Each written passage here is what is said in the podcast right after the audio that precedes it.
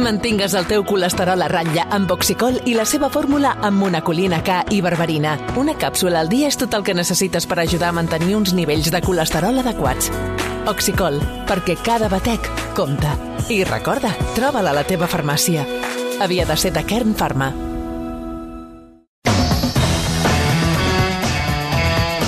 Esteu escoltant la versió RAC1, falten 15 minuts per les 6 de la tarda. Unió de Pagesos prepara amb agricultors francesos una protesta a la frontera amb França. Creuen que això incrementaria la pressió de cara a la Comissió Europea i mostraria que part de les reivindicacions del sector són globals a tot el continent. Ho ha explicat aquest matí el coordinador nacional d'Unió de Pagesos, Joan Cavall. Possible que la setmana que ve tornem a tallar connexions en frontera, no?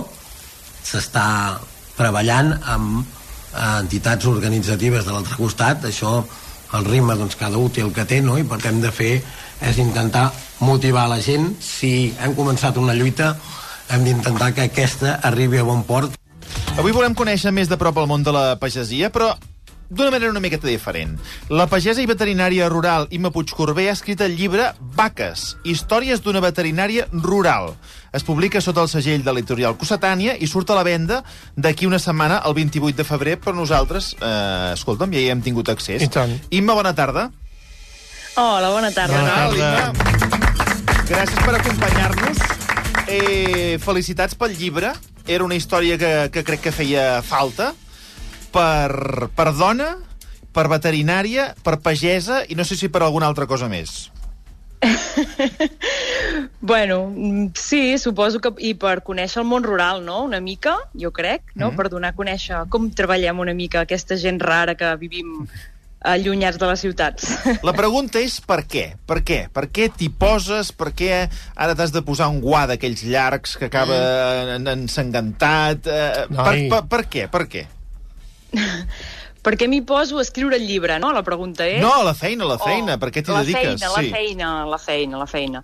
Doncs, bueno, jo crec que és una vocació. Jo, des de molt petita, sempre he dit que volia ser o pagesa o veterinària i crec que no, no ho he triat mai. Jo això ho he portat a dintre i no he sabut dir res més que això. O sigui que jo crec que, no sé, que la meva família tots som gent pagesa, uh, que han viscut entre animals i jo m'he criat així. Suposo que no sé si és una cosa bona o dolenta, però segueixo la nissaga. A- a- Aquest tòpic dels veterinaris rurals que tenim, que aneu sempre amunt i avall, Mm. que no us podeu acabar mai eh, la, la, la sopa a l'hora de dinar, ha nascut un vedell, eh, ara una cesària... És, és cert o, o és massa exagerat, això, que no pareu ni un moment? Bueno, és bastant cert, és bastant cert i cada cop una mica més cert perquè cada cop són menys. Ja. sí. Sí Bueno, sí, tens sí. 15 vaques i 11 vedells i en Caram. una publicació a Instagram expliques fins a quin punt us està afectant la sequera a l'hora d'alimentar-los.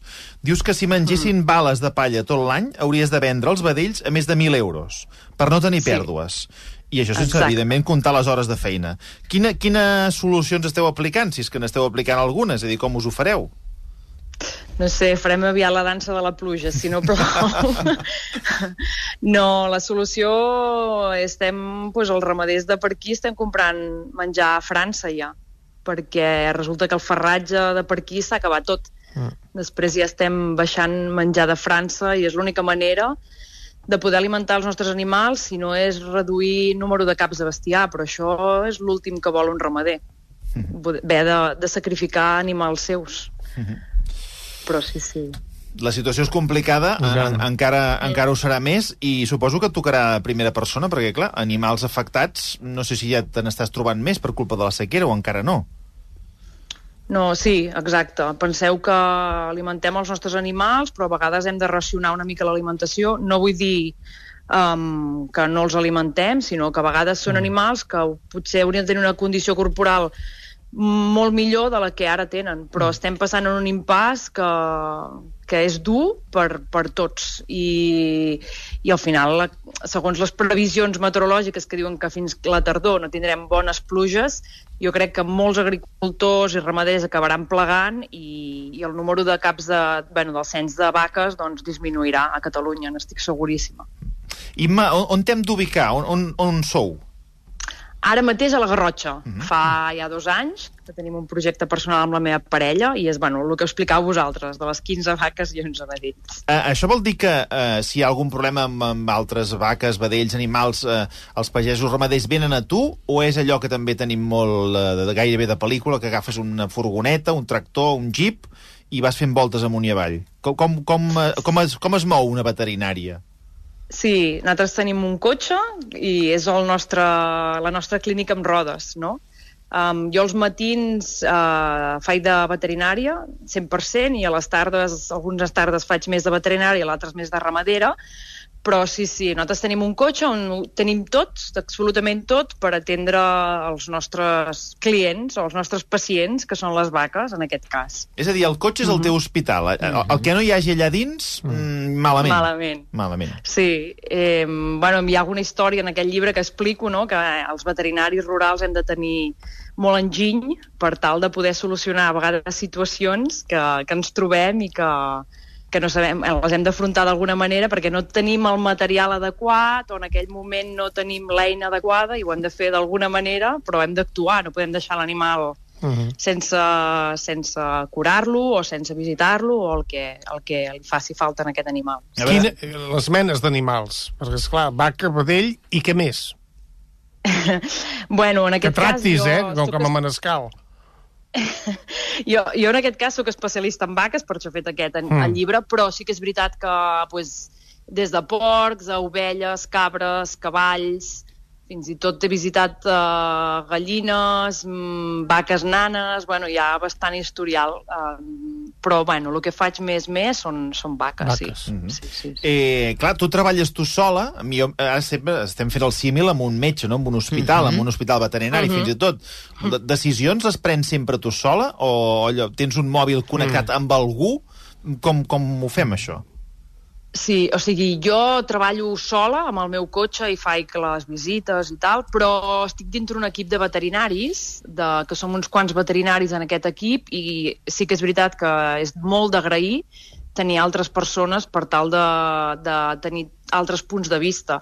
Però sí que és veritat que un veterinari rural ha d'entendre de traumatologia, com d'infeccions, mm. com de paràsits, com Vull dir que som, hem de saber molt de tot i, i, i potser no som molt especialistes en una cosa en concret, però sí que has de saber-te treure les castanyes del foc tu solet. Doncs mira, um, jo avui preguntava, dic, a veure, anem a buscar exemples no, mm. de coses que hagin passat per entendre millor Vinga, la teva va. feina. En aquell llibre, Vaques, històries d'una veterinària rural, per exemple, expliques la primera vegada que vas haver d'operar una vaca. Ai, I em consta mm -hmm. que no va anar com esperaves. Vaja. Què, què va passar? Ai. No, no va anar com esperava perquè resulta que, que la, quan li vaig aplicar l'anestèsia va tenir una reacció anafilàctica. Oh. va estar a punt de morir la vaca. Mare la primera vegada, eh? La primera vegada, sí, Mare sí, va ser una mala experiència i, bueno, de partir d'allà, pues, um, aprens, no?, en què que les coses no sempre surten com un vol i que has de ser ràpid en, en practicar certes bueno, certes cures o aplicar medicaments o això per revertir certes coses que et poden passar, no? Al final és tenir una mica de... Bueno, tenir en compte que moltes vegades et podràs equivocar, però n'aprendràs amb totes aquestes vegades que et vas equivocant. Una reacció anafilàctica, disculpa, Imma. Uh, en una vaca. En una vaca, això què és? Què, què fa la vaca? Què li passa? La vaca se li és, és al·lèrgia o què és? Sí, o sigui, és una al·lèrgia en la qual hi ha una inflamació molt gran a nivell de tot l'organisme i el que veiem a la vaca és que el pèl es posa de punta en certes zones com si fos una, una granissada, però en, en el pèl veiem que el pèl es posa de punta i la vaca li costa respirar perquè les vies respiratòries s'obstrueixen a causa de la inflamació i és una vaca que se t'està ofegant, Mare que s'està estossegant, que estira el coll, que no pot respirar... Sí no és, el la situació no és agradable. El llibre dius, a la vaca li costava respirar, picava de peus a terra intranquil·la, cada vegada tossia més, tenia els ulls mm -hmm. sortits i vermells. Jesús. I també confesses, sí. dius, em vaig, em vaig quedar petrificada i amb el bisturí a la mà sense reaccionar. Uh, quin, com va acabar? Exacte, com va acabar, com va acabar això? El bo de tot plegat és que quan tu fas la teva primera cirurgia sempre vas acompanyada. I tenia un veterinari que va ser el meu mestre, el meu primer mestre, i, i ell em va dir, has de fer això, això i això. I li vam aplicar una medicació ràpidament a la vena, que me'n recordo fins i tot que vaig saltar a la tanca d'allà a la granja i vaig arribar al cotxe i em tremolava tot i no sabia on tenia el medicament i són moments que són segons segurament, però per, per tu passen com a, a ser minuts i, i al final li vam aplicar la medicació i va, va tenir una reacció molt ràpida a la medicació i va tornar a estar en si la vaca, a deixar d'estossegar i, i al final tot va anar molt bé. Molt bé. Però aquell moment no la devíeu poder operar, vau haver d'esperar. Vam haver d'esperar, sí, sí, sí, sí, vam haver d'esperar. Bueno, I a més a més una cosa interessant que expliques és que les cirurgies en bovins es fan amb els animals drets? Sí, sí, sí, es fa una sedació, o sigui, l'animal queda com una mica atontat Atordit. i es fa anestèsia ben bé local, mm. vale? no? o sigui, l'animal està de peu perquè en vaques tots ens imaginem una vaca, tenen una panxa molt grossa. Sí. I allà dintre, tu si obres aquella panxa, imagineu-vos si una vaca està ajaguda al terra i obres aquella panxa, la pressió acabaria sortint tot. Mm. I després el que ho fem és al costat del flanc i operem per, sempre pel costat del flanc en totes les cirurgies, sí, sí, amb l'animal de peu si l'animal està molt malament i no es pot aixecar, sí que el fem al terra, però després ja és més complicat tot. Uh -huh. Uh -huh. Carai. Escolta, una altra cosa que expliques eh, i que mm. també feu són, són rescats perquè sí. deies que acabaves de fer una excursió a la Vall de Núria i et truquen els bombers, allò que et deia, que la, la imatge que tenim dels veterinaris és que surten disparats en qualsevol moment, et truquen els bombers per avisar-te que han trobat un vedell que havia caigut per un terraplè. Jesús. Pobret. Com, com ho veu Sí. resoldre, això? Doncs mira, al final va, va venir el... Bueno, amb els bombers venia l'helicòpter per poder-lo treure, enlairar-lo, i al final pues, el propietari mateix del vedell eh, va fer... Penseu que era un terraplè ple de- d'esbarses, d'arços, de mm. molta malesa, i el mateix ramader, ell, pel pes del vedell, no el podíem aixecar amb l'helicòpter, i, i va va fer un camí des de baix de tot del terraplè fins a dalt on hi havia el vedell i el, va anar, el vam poder anar fent baixar mica en mica. Però el ramader va quedar, us ho prometo, eh, ratllat per tot no, arreu, esgarrinxat, Sí, sí. vull dir... hm, Bueno, i us, Sí, sí, i us esperava una sorpresa, no?, a més a més. Exacte, perquè a part del vedell hi havia la vaca, que no, Sí, ens la tro no, no, no ho sabíem, perquè veiem el vedell que estava molt tranquil, allà tan tranquil, penjat allà, entre els arços i la malesa, i evidentment estava molt tranquil perquè una mica més a sota també hi havia la mare, que també la vam haver de, de rescatar pel mateix pel mateix camí i la mare no va sortir tan, tan ben parada com el vedell perquè, bueno, Esclar. es va fer una gran, una gran, una gran incisió. Ai, Carai, però, però de no, no, o sigui, l'arnès dels bombers no aguanta tant de pes per, per enlairar-la, representa. Uh, L'arnès del, dels bombers uh, suportava uns 500 quilos i a la raça de vaques amb què estàvem parlant parlàvem d'uns 700 quilos. Jesús. Per tant, era impossible, Impossible. Poder treure aquell animal de- d'allà uh, per via aèria. Després vam haver de fer una segona opció. Esclar, i amb Sí, sí, l'enrenou, aquestes bèsties tranquil·les, no, No, està estar. clar, està clar que no. Pobret. No, no, no. Sort que les bèsties coneixien l'amo i per això Mm. mm. vam poder, el pagès va poder actuar molt millor, perquè els bombers, quan van entrar allà dintre de la malesa, aquells animals es van ficar nerviosos, Esclar. Però quan van sentir el seu amo, penseu que les vaques saben qui és el seu, el Sí, seu sí. Veí. De la Vall de Núria anem fins a Irlanda, perquè expliques en el llibre que vas fer unes pràctiques en una granja i et va passar Mm. una cosa mentre munyies les vaques que crec que recordaràs per sempre. Què et va passar? A veure. Sí, sí, sí, sí. Bueno, perquè per posar-vos una mica en context, una sala de munyir és uh, un lloc on les vaques les tens, tu estàs en una, en una fossa que es diu, que estàs més en ba, a baix del, del que estan les vaques. Les vaques estan com a un esgró molt alt i els breguers et queden més o menys a l'altura del cap, vale? per tal de posar les munyidores sense haver-te d'ajupir. Doncs resulta que, evidentment, estan més amunt que tu, però també és, es, um, defequen més amunt que tu. Ai, ai, Ai, ai, ai, ai, no, ai, per ai, favor. No, per favor. per favor. Ai, no, no, no. Sí, Ai, sí, pobra. va ser una sensació així una mica estranya, no? una cosa calenta que et regalima per tot el cap i les Oh. espatlles i, i cap avall. Al cap, al cap et va caure la... la... Sí, sí, Com una totalment. glopadeta sí, de nen sí, petit quan el tens a Mare sobre. Meva. Sí, sí, la sensació és molt, molt estranya, però bueno... a I calentor d'aquell que devia ser. vaig en- Sí, a partir d'aquell moment vaig entendre que per què portaven tots gorra els de la sala de. Clar. Ah. No era pel sol que feia. La, la, la relació que estableixes amb, amb, un, amb un pacient boví, quina és? Eh, des de fora, no sé si imaginar-m'ho com un pacient convencional que entra un dia per la porta del cap, Igual. o per ser un animal... N'hi ha que ho semblen, eh, dif- bovins. és diferent? Com ho viviu, això?